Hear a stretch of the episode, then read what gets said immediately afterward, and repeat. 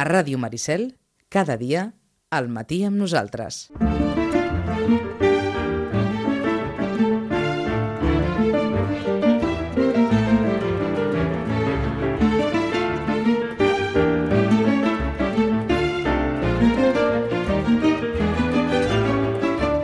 I 16 minuts del matí, tercera hora d'aquest matí, nosaltres d'avui dimecres, 23 de febrer del 2011.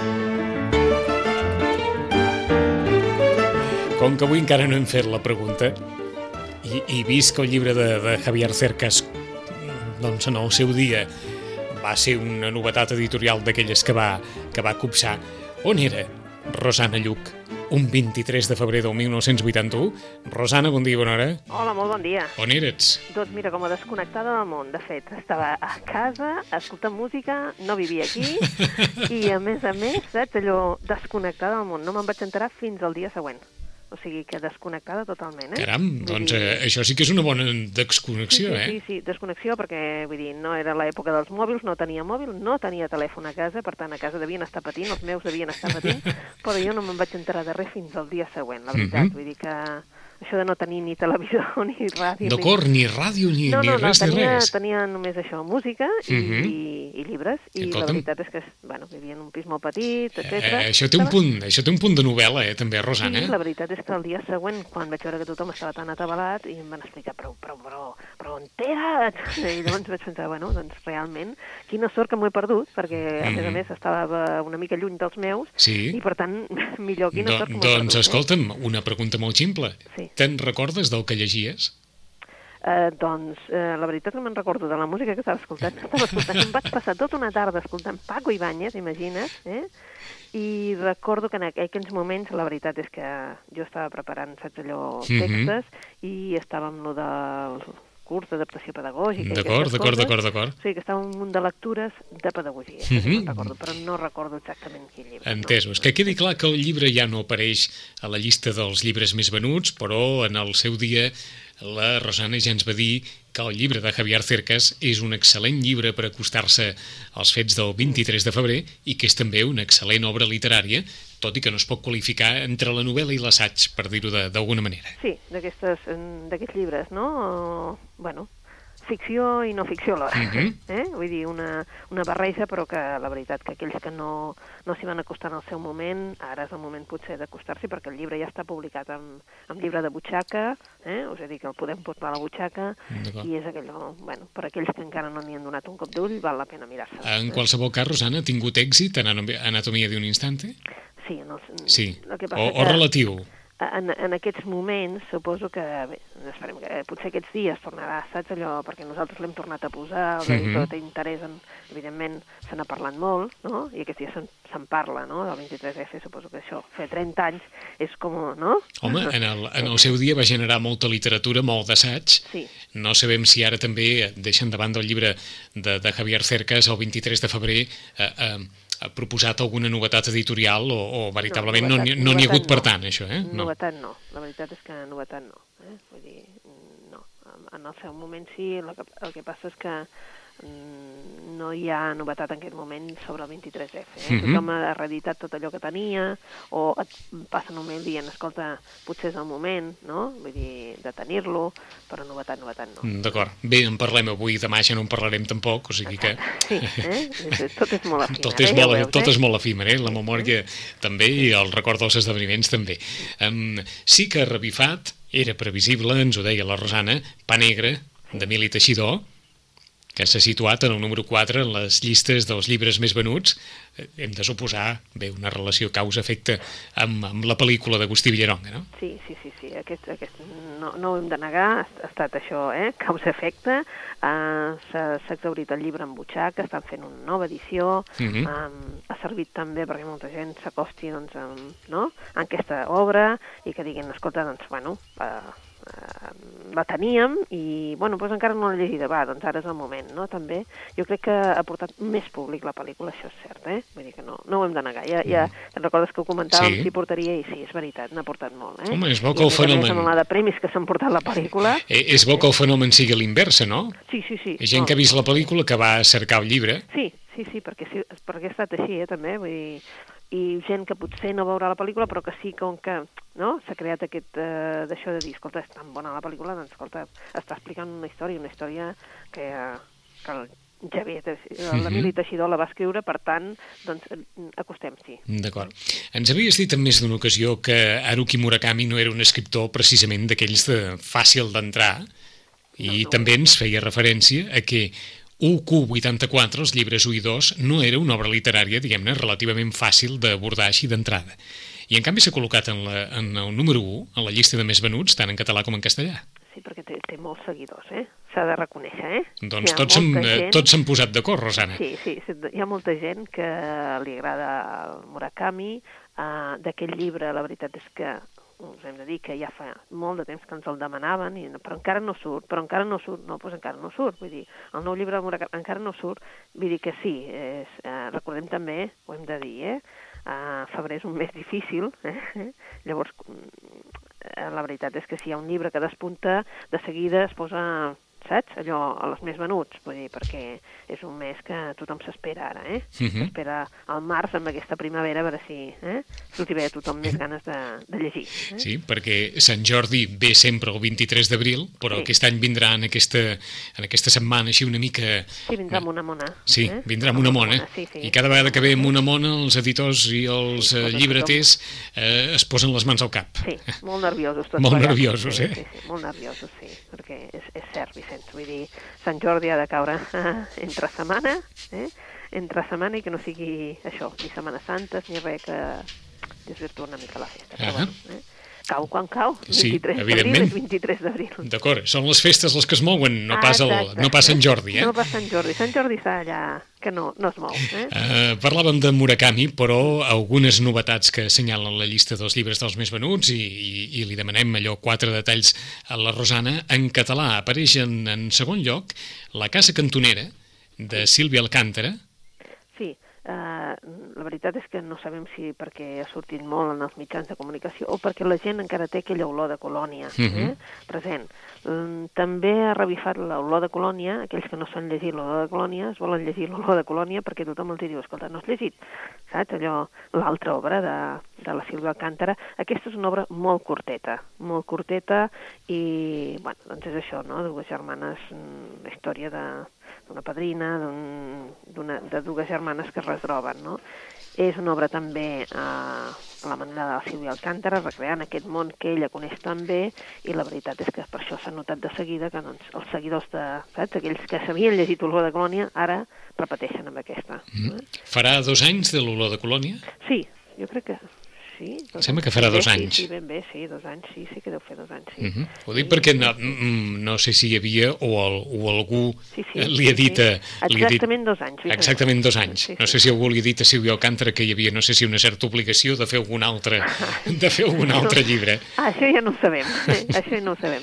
El que sí és que, bé, no, doncs, eh, el que tampoc no, no he seguit, eh, perquè sé que ha sortit en programes de, de l'hora del lector i així, no he seguit si aquesta Mhm. obra la tenia escrita ja, eh?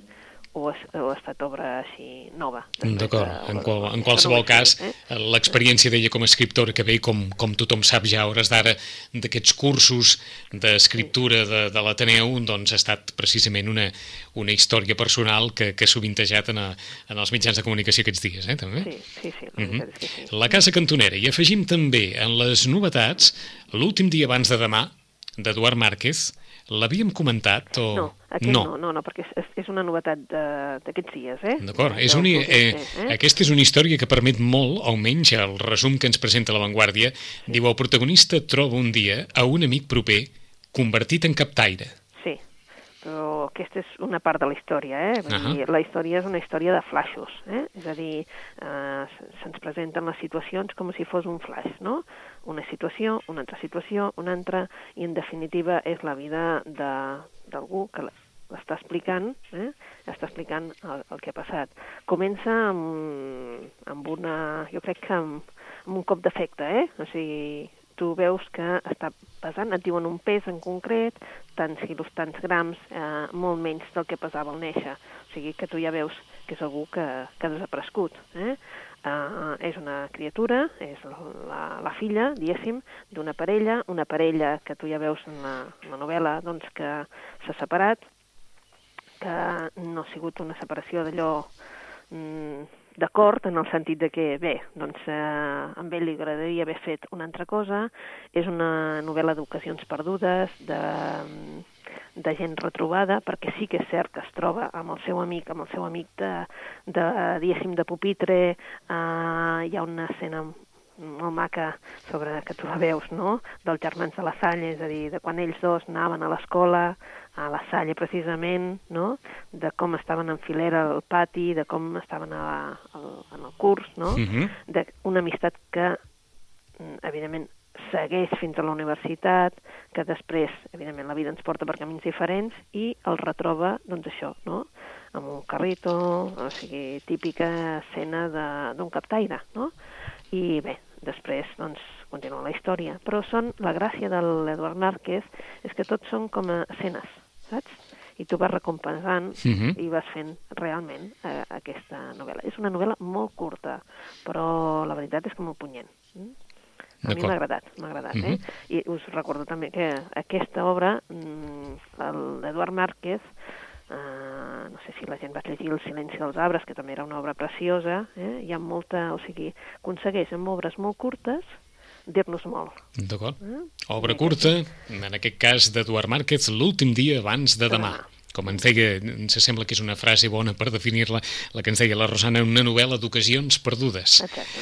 N'afegim, havíem parlat del cau del conill, No, aquesta de Cristian Segura. no. No, aquest no. La veritat és que aquest mm, és una obra d'aquelles que, bueno, de- d'un dels premis jo que, que surten ara, que en surten tants, i que no tenim temps de... saps, De- de mirar amb atenció, mirar, eh? De mirar massa.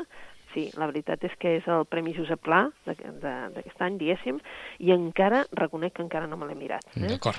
Premi Josep? Pla, eh? Premi Josep Pla. No-. Nosaltres només els diem el que diuen els diaris, Sí. les tribulacions d'un burguès de Barcelona en caïda libre. Sí. S'ho poden imaginar, doncs. Sí, eh? Com a mínim, almenys aquest és el resum que em fan. En castellà no hi ha menys novetats. Eh, El ángel perdido de Javier Sierra. Sí, aquesta sí és una novetat que, mm, bé, aquí en el diari posa que Murakami va davant, Sí, a casa nostra no, a casa nostra l'Àngel Perdido va davant, però molt al davant, uh -huh. perquè el Javier Sierra té una... Bé, va, ja, ja venia precedit per una operació de màrqueting terrible, tots els mitjans de comunicació, saps allò, um, talls en el YouTube, a, tot arreu, eh? I a més a més té un públic que el segueix, des de la cena secreta, des de... El, el va seguint, no? I llavors aquest llibre és un dels llibres així més venuts en aquest moment, eh? Mhm. Però és això, eh? Un restaurador de, eh, que, bé, que ha de buscar unes pedres antigues, eh, bé, anem des de Santiago, anem cap aquí, cap allà, és una, és una novel·la que també té molt de- d'això, no?, De- d'investigació històrica. D'acord. Mm? I llavors, per això és un autor... Doncs a hores d'ara el més venut, El El més Ángel venut. Perdido, el més venut a casa nostra, El Ángel Perdido de Javier Sierra. A la llista de les novetats, una altra que ja ens havia comentat la Rosana, que molt probablement se situaria en uns llocs de preferència, donde nadie te encuentre, d'Alicia Jiménez Barlet. Sí, i aquesta sí que és veritat que el Premi Nadal d'aquest any és, eh, ja ho dèiem, eh? i el, el demanaven, que això no que això ja passa, no?, que quan la gent sent, ja ha sortit eh, el Premi Nadal, bueno, que vol dir que li han donat el Premi Mhm. Nadal, doncs la gent ja, ja, ja el vol. En aquest cas, doncs, l'Alicia Jiménez Barlet l'esperaven, esperaven, tothom esperava. Eh, si t'hi fixes, comencem a tenir un munt de novel·les eh, relacionades amb Barcelona. Sí. un personatge de Barcelona, és una cosa ara, saps? Vull dir, Ai, ai, ara- quin, ara ai, toca quin, eh? quin Sant Jordi, Rosana. Sí, ara toca tot Barcelona, eh? Vull dir, és que fins i tot novel·les policials, o sigui, tot Barcelona. Tot Barcelona. Tot Barcelona. I en aquest cas es parla d'un personatge, un personatge que va existir, que això també té més, no? Té més, més gràcia, no? Que també tothom vol saber què, eh? La pastora, que va existir, eh, i en definitiva, és clar, doncs com que és el, la vida d'aquest personatge que ella ha recreat, o sigui, no, no, no és una biografia de la pastora ni molt menys, però clar, com que té aquesta gràcia d'una persona que va existir a Barcelona, que després es va contar els maquis, etc etc, Mhm. doncs eh, té la gràcia de la novel·la de que té una, una part no? de història, història nostra. O sigui que també la veritat és que suposo que això també hi ve de la mà de l'Alicia Jiménez Barlet, que eh, els lectors de novel·la policíaca sobretot la coneixen molt. D'acord. Estem en la beta de les històries policíaques. Havíem parlat de los sinsabores del verdadero policía? No, No. encara no. És que... És que, escolta'm, això és de por, eh? Sembla... és de por, eh? És de por. Hi ha tanta novetat, Vicenç. que- De Roberto Bolaño, Los sinsabores del verdadero policía. Eh, sí, eh, bueno, és una obra de, del Bolaño que no havia aparegut, vull dir, esclar, eh, n'hi deu haver un calaix, ja ho saps que això passa, no?, a algun hora, i llavors resulta que, que n'hi ha moltes de les novel·les que no estaven publicades, aquesta és una d'elles, és a dir, clar, Roberto Bolaño eh, va desaparèixer ja fa uns anys, eh, clar, estava, era un xilè, però afincat a Blanes, i Anagrama li va publicant eh, tot allò que, que tenia en el calaix, no? I aquí és això, eh? és un professor xilè, mm, bé, que va una mica d'universitat a universitat i que és una mica, doncs, univers Bolaño, que li dic jo, eh? Mhm. Vull dir que als que ens agrada Bolaño ens agrada aquest tipus de novel·la, però que reconec que, doncs, és això, no? De vegades doncs també no és una novel·la policiaca al, a l'uso, eh? Mm, Ni molt menys, eh? D'acord. Portem sis novetats i encara no hem anat a petar a un altre, a un altre disseccionador de Barcelona, Juan Marcé, Exacte. Caligrafia de los sueños. Exacte, vull dir, encara no hi havíem parlat. Encara no hi havíem parlat. eh, Veus?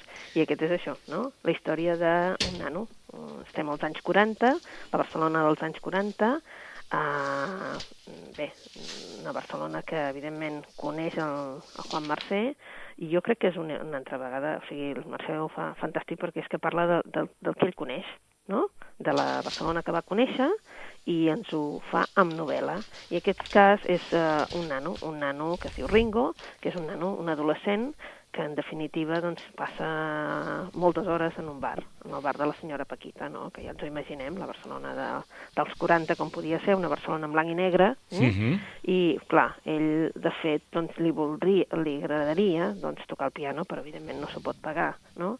Clar, estem al barri de Gràcia i el nano doncs, és testimoni doncs, d'històries, no? històries de, de diversos personatges, però un d'ells és la Vicky, la Vicky Mir i el senyor Alonso. Eh?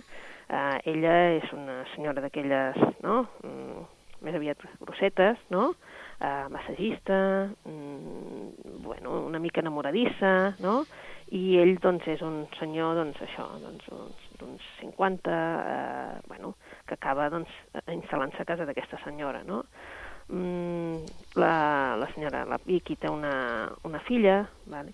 i un diumenge per la tarda doncs, la Vicky doncs, vol posar fi a la seva vida perquè és que, és clar doncs, eh, bueno, hi havia d'haver una carta que hagués arribat de part del senyor Alonso que no arriba al seu destí, no, a, la, a la Vicky. I amb això, doncs, evidentment, el Ringo hi tindrà a veure. És, mm, la veritat és que és una Barcelona, això, molt ben descrita, uns personatges molt del Mercè, no? i que en definitiva doncs, els, els cliquem. Vull dir, nosaltres fem una ullada i veiem doncs, això, la Barcelona d'aquests anys i la Barcelona que ell sap recrear. Mm. Quan arribarà Cobra de Frederick Forsyth? Ja ha arribat Cobra. Ja ha arribat de Cobra de sí, Frederick Ja ha arribat Forsyth. Cobra i realment ja ha arribat Cobra i s'està venent Cobra. S'està venint molt bé. Sí, sí. Uh, Forsyth és allò, un autor de bestsellers, eh? I ell, si sap fer una cosa, és això, fer un bestseller. Eh? Uh, parlar del que a ell li agrada, del que coneix, del que sap parlar, i realment, doncs, el Forsyth eh, normalment sempre sortia cap al març, no?, de cara als pares, no?, Mhm. i el pare, etc. Sí.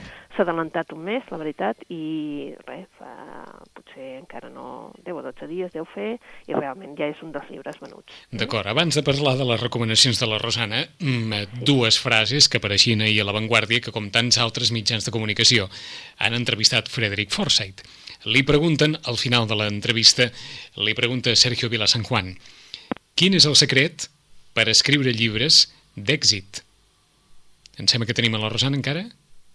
L'hem perduda. A veure si podem saludar la Rosana Lluc en uns moments. Hem perdut la comunicació. Deia que eh, ahir La Vanguardia entrevistava Frederick Forsyth a partir de la publicació del thriller Cobra i ha aparegut en tots els mitjans de comunicació amb unes declaracions, sobretot les que eh, destaca La Vanguardia, bastant explosives a l'entorn de l'autor del Codi da Vinci, de Dan Brown. Diu Frederick Forsyth que el Codi da Vinci és una escombraria absoluta del principi al final del llibre. I en aquest cas Sergio Vila San Juan li preguntaven quin és el secret per escriure llibres d'èxit, eh, despertar la curiositat del lector perquè es faci una pregunta, què succeeix ara, i evitar que la, sigui, que la seva resposta sigui "Mm, m'importa un rapa. Doncs aquest seria el, el secret de Frederick Forsyth perquè les novel·les eh, atrapin el lector. En uns moments eh, retrobem Rosana Lluc, 11 i 35 minuts. A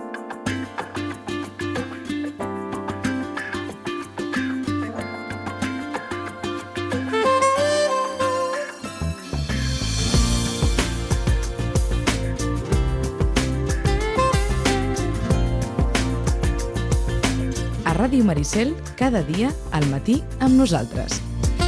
11 i 36 minuts, tornem a retrobar Rosana Lluc. Rosana, bon dia i bona hora. Hola, molt bon dia. Ho sento, Eh, no. que- Pam, s'han tallat la línia. No, no pateixi, segurament perquè la línia ja preveia el que anàvem a dir. Li pregunta Sergio Vilasanjuan a Frederick Forsyth quin és el secret per escriure llibres d'èxit. Forsyth diu que despertar la curiositat del lector perquè es faci una pregunta, què passa ara? I evitar que la seva resposta sigui m'importa un rave. Aquest és un, però l'altre, quan Frederick Forsyth es despatxa, però ben despatxat, eh, a l'entorn de l'obra de Dan Brown, i sobretot del Codi da Vinci, que diu que és una escombraria absoluta de principi al final. Aquest senyor... Així mateix ho diu i es pregunta com algú que s'està desagnant pot dedicar-se a dibuixar amb la seva sang complicades figures inspirades al Leonardo da Vinci. Bueno, eh, és una obra de, realment de ficció, això ja No- no sabíem, cal no? Eh? Ja, ja ho vam dir, eh? I no, aquest senyor el, el que és és que és molt sincer, eh? Vull dir que no... No, no, està té, clar. Eh? No, vull dir, A part, en, en, eh? en català escombraria sona, dius, mira, escombraria, però llegir l'obra d'Edan Brown és basura. Sí, que, De- és Fa, que- fa és més impressió que no dir, és una escombraria. Sí, sí que no. fa impressió, no? Això, Vicent? basura. Però és que eh? també vaig llegir una entrevista a la contra de això que era del País l'altre dia, que deia que ell, bueno, que no, no té cap missatge per la humanitat, no escriu per d'això, ell escriu per diners. Dius, clar, vull dir, home, no sé si calia dir-ho, no? Vull dir, que, clar, tothom necessita pagar la, la hipoteca, per Sí, tant, sí, sí. Eh, vull dir que no, que ell no, no, no, allò que algú diu, home, jo escric per necessitat, Sí, jo escric per, sí, sí. perquè vull, doncs, eh, transmetre alguna cosa. No, no, ell, no, No, no es pot queda? negar- Doncs escriure per això, per No, diners. I no es pot negar que hi ha un punt de mercenari, eh, amb Sí, tot sí, això. sí, eh? Està clar. Una darrera cosa, abans de les, de les recomanacions que ens vulguis fer, hi ha algun llibre de, de Santi Mar Santa Maria o sobre Santi Santa Maria? Sobre no, d'ell sí. D'ell ell sí. sí, perquè ell havia escrit un llibre de cuina i la veritat és que, clar, eh, ara doncs eh, el, eh, hi ha la cuina de... És que havia fet la, la cuina de Santi Santa Maria, ell mateix, eh, en català i en castellà, i després eh, hi havia fet ell també un Lo que hemos comido, en castellà s'havia publicat. El que famós, que- llibre, el famós llibre de la polèmica amb Ferran Adrià, no? Ah, sí, mm, sí. Eh? Lo que vam hemos comido. que, eh, Mhm. que, que ara, doncs, bueno, tot està passat, no? D'acord. Però, vaja, sí, sí. Qui vulgui retrobar sí. la- l'argumentació, doncs, lo que, hemos, lo que hemos comido. Vinga, recomanacions, Rosana. Bueno, doncs n'hi ha una que suposo que en, en els, eh, va sortir en els diaris ja fa uns dies, no? que a França s'havia publicat un llibre molt curt, molt petitet, molt petitet, i Sí. que havia venut, te'n recordes? Oi, ja s'ha traduït? Ja s'ha traduït. A mi m'ha dit una persona que no és tant com sembla, però m'agradaria molt trobar-me davant un llibre de 90 pàgines que es diu Indigneu-vos Exacte. i que ha escrit un home de 93 Sí, anys. sí, sí. Bueno, doncs, noi, eh, trobes aquí eh, eh, un llibre en castellà, Indignaos, de Sí. la Stefan Hessel, eh, amb el pròleg del José Luis San Pedro. És molt curtet, eh, Vicenç, és molt curtet, Mhm. només té 60 planes, eh, molt curtet, petitet, però bé, en definitiva, una mica, doncs, eh, està molt dirigit a, amb la mirada francesa, vale? la República Francesa, eh? però sí que és una mica, doncs això, indignem-nos, indigneu-vos perquè és l'única cosa que podem fer en aquest moment. Eh? Eh, no de, de destruir, sinó que realment mirem-s'ho i sense violència, com diu el José Luis San Pedro, sense violència, com va cantar Raimon contra la dictadura, diguem no. D'acord? Eh? La, la, eh? la portada comparteix aquella, aquella diguem-ne, tipografia tan enorme de, de la portada francesa, en què apareixia un, un indigne-vous amb amb unes lletres gairebé que, que, que, que sortien de la, No, de la no portada. surten tant, no. no. surten tant, eh? Però es, diu, es, es veu bé, eh? Si es veu bé, eh? Es veu bé, eh? Indignaos.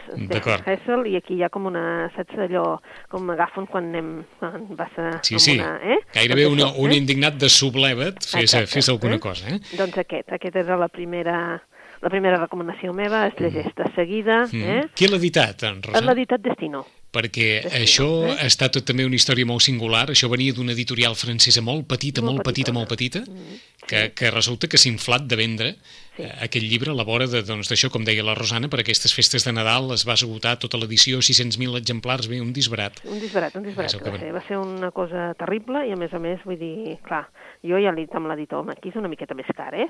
O sigui, jo havia llegit que valia uns 3 euros, Sí. 3 euros 50. I Què val aquí? 5, 5 euros. 5 euros, eh? Que passa que sí que és cert que vull dir, bueno, eh? Mm, Anava a dir, qui vulgui un manifest, per 5 euros. Exacte, Eh? un manifest per 5 euros. Per 5 eh? euros. Ara que a una persona li vingui als 93 anys un èxit editorial d'aquesta mena, eh, això supera gairebé a les germanes catalanes que en el seu dia van quedar finalistes del Nadal o que van guanyar el premi, recordes? Sí, i tant, tant. Això tant, gairebé dius, però- mira, als 93, eh? Sí, exacte, els 93, però aquest senyor, clar, eh, és que aquest senyor, clar, és membre de la resistència francesa, Mhm. bueno... Té moltes coses per explicar. Té, té moltes coses per explicar, o, o potser per, precisament per això, per haver viscut tota una vida, té prou veu per dir indigneu-vos, Mhm. eh? hem estat lluitant per una sèrie de coses i ara tot ho esteu tirant en terra. D'acord. Una pregunta, Rosana, això no és literatura, eh? No, No. no, no, no. No, no busqueu literatura aquí, eh? Vull dir, ell simplement doncs, fa un... No? De dir, escolteu, uh, teníem això, això, això, això, vam lluitar per això, per això i per això. S'heu d'indignar, això no pot ser. Uh -huh. Però res més, eh? Doncs és, eh, és això, eh? 60 pàgines per 5 euros i qui es vulgui acabar d'inflamar, doncs Stefan Hessel, als 93 anys, Indignaos, editat per Destino. Sí. Per on seguim? I, a més a més, en, en pròleg de José Luis San Pedro, Per- també de 93 anys, Per acabar-ho dient d'adobar. el mateix, si Sí? recordes. I, a més a més, que ell ja fa temps que també diu el mateix, eh? vale? Doncs és això, eh? O sigui que José Luis San Pedro tampoc ja està tan conciliador com estava anys enrere. No, no, no, gens, gens, gens. Ara ell ja, ja ho veu des de fora i diu, eh, què esteu fent, no? Què Mhm. esteu fent? Doncs eh? en pròleg del filòsof José Luis San Pedro, Mm. eh, 93 anys també per prologar a un autor de 93 anys. Stefan Hessel, Indignaos, editat per Destino, preu 5 euros, més o menys. Vinga. Doncs mira, una obra que no té res a veure, però que farà les delícies de tots aquells que els agrada la intriga i que ja té un acord de seguidors, que és allò que dèiem, no? Hi ha, la, hi ha autors que pel que sigui exaureixen l'edició perquè és que ja, saps, ja, ja estan esperant una nova novel·la. Una d'elles és la Mary Higgins Clark, ens agradi o no, aquesta senyora, doncs quan escriu alguna cosa, doncs ja resulta que ja té tot un seguit de gent que l'està esperant. Tant que els de català, des de fa un temps, s'han decidit a publicar-la a l'hora que la fan en castellà. Eh? Es diu L'ombra del teu somriure. Eh? És una obra d'aquelles, doncs, això, eh? una senyora que, bueno, una, no, una de les novel·les, no?, que, que bé, tothom l'escolleix en aquesta senyora com una gran mestra, vale? perquè realment eh, quan treu un llibre d'intriga seu és allò, en fan una edició molt i molt llarga, però Mhm. l'ombra del teu somriure ara parla de um, d'una protagonista, l'Olivia Morrow, eh, que evidentment ja és gran, té 82 anys, eh, poca salut i, i com que li queda poc ja sap que li queda poc de, aquest temps de vida, no? I llavors ara s'enfronta amb una decisió que ha de prendre, eh? Parlar i descobrir, descobrir a tots un antic secret familiar o callar i endur-se'l. Mm, Olivia té unes antigues cartes d'una cosina, la Catherine, una monja que la, està en procés de beatificar-la, eh? i que proven que amb 17 anys la Catherine, eh? aquesta monja, mm, doncs eh, va donar llum un nen, un nen que va donar amb adopció. L'Olivia sap qui és aquell nen, eh? i sap que es va, mm, aquest nen es va convertir en el temps en un doctor i realment és una persona ara amb una gran carrera i una gran fortuna. Ara, dues generacions després, una pediatra, la, una pediatra de 30 anys més o menys, la Mònica Farrell, la neta de Catherine, té, creient, creu ella, tot el dret del món a disposar del que queda d'aquesta fortuna. Eh? Uh, però, és clar, dir-li a la Mònica mm, d'on te ve, doncs uh, treu els desitjos de, de, de la Catherine. Eh? Els únics que són conscients d'aquesta decisió de l'Olivia són alguns membres d'una fundació i, clar, són una fundació que, vaja, que tenen aparences filantròpiques, però en realitat el que estan és explotant una herència. Eh? Bé, eh, alguns d'aquesta gent de la fundació està disposat a tot perquè no surti aquest secret. Mm. Per això es diu L'ombra del temps Diu somriure. Eh? Tenim temps per un llibre més, Rosana. Per un llibre més. Doncs mira, eh, potser, potser cal doncs, parlar d'una novel·la romàntica, una novel·la romàntica en català. En surten tan poquetes que potser val la pena. I és una història d'amor a la Índia. Eh? Es diu A l'est del sol, i com que no en publiquen gaires columnes, s'ha decidit a publicar aquesta. Eh? Eh, L'autora és la Julia Gregson, i aquí ens parla del 1928, que tres noies d'Anglaterra van cap a la Índia. Ja, Imagineu-se doncs, una Índia, doncs allò, eh? una Índia mm, britànica, per dir-ho d'alguna manera. Eh? Um, elles volen començar una nova vida. Una d'elles, la Rose, és la que es casarà, eh? perquè ella doncs, es va casar allà, està bueno, frisosa de deixar la família enrere, és una família molt tradicional, es vol casar amb un home que quasi no coneix, i la Victòria és la seva amiga, la seva amiga que va fer de dama d'honor i per tant també l'han convidat al casament. Ella, la veritat és que el que té ganes és de sortir-se'n de casa també, perquè té una mare molt dominant, i per què no trobar allà doncs, un marit, un marit que la faci feliç. I després tenim un tercer personatge, que és la dama de companyia, que és una dama de companyia que resulta que ella ha de tornar a la Índia, perquè ella ja és de la Índia, eh? i per tant eh, no sap què es trobarà allà, perquè en definitiva ella ja fa molts anys que està a Anglaterra i no vol trobar-se amb aquests fantasmes del passat, aquests fantasmes de, de la seva infantesa, no? Uh, totes tres, diguéssim, uh, volen sur sortir de, de, de casa, iniciar una nova vida, però, és clar, els secrets que s'amaguen a, a tot arreu no, no serviran de gaire per preparar-se en aquest país llunyà. A l'Est del Sol és aquella novel·la romàntica, diguem-ne, amb, amb coses així com a molt espectaculars, perquè, és clar és una història d'amor situada des d'Anglaterra cap a la mm -hmm. Índia, eh, amb tota l'exuberància que pot tenir la Índia del moment. Doncs segurament més d'un haurà agraït i més d'una que acabi les recomanacions literàries a Rosana amb una, amb una novel·la romàntica, perquè hem portat un matí, diguem-ne, de novel·la policiaca o novel·la d'intriga, eh? Sí, novel·la d'intriga, eh? novel·la d'intriga. Doncs a, a l'Est del Sol de Julia Gregson, novel·la romàntica en català de Mary Higgins Clark, L'ombra del teu somriure, aquesta senyora amb 82 anys amb la dicotomia de divulgar o no un secret que compromet a un tercer i l'Indignaus de Stefan Hessel de 93 anys. Pel que fa a la llista de novetats, la casa cantonera de Sílvia Alcántara, de la noia d'Olor de Colònia, l'últim dia abans de demà, d'Eduard Márquez, el cau del conill, de Cristian Segura, l'Àngel Perdido de Javier Sierra, Donde nadie te encuentre, Premi Nadal d'Alicia Jiménez Barlet, Los sinsabores del verdadero policía i Caligrafia de los sueños de Juan Mercé. Tots ells molt recomanables i acabats de sortir. En 15 dies tornem nosaltres en el nostre temps dels llibres en companyia de la Rosana Lluc. Rosana, gràcies. Moltes gràcies a vosaltres. Fins d'aquí 15 dies. Fins d'aquí 15 dies a vosaltres.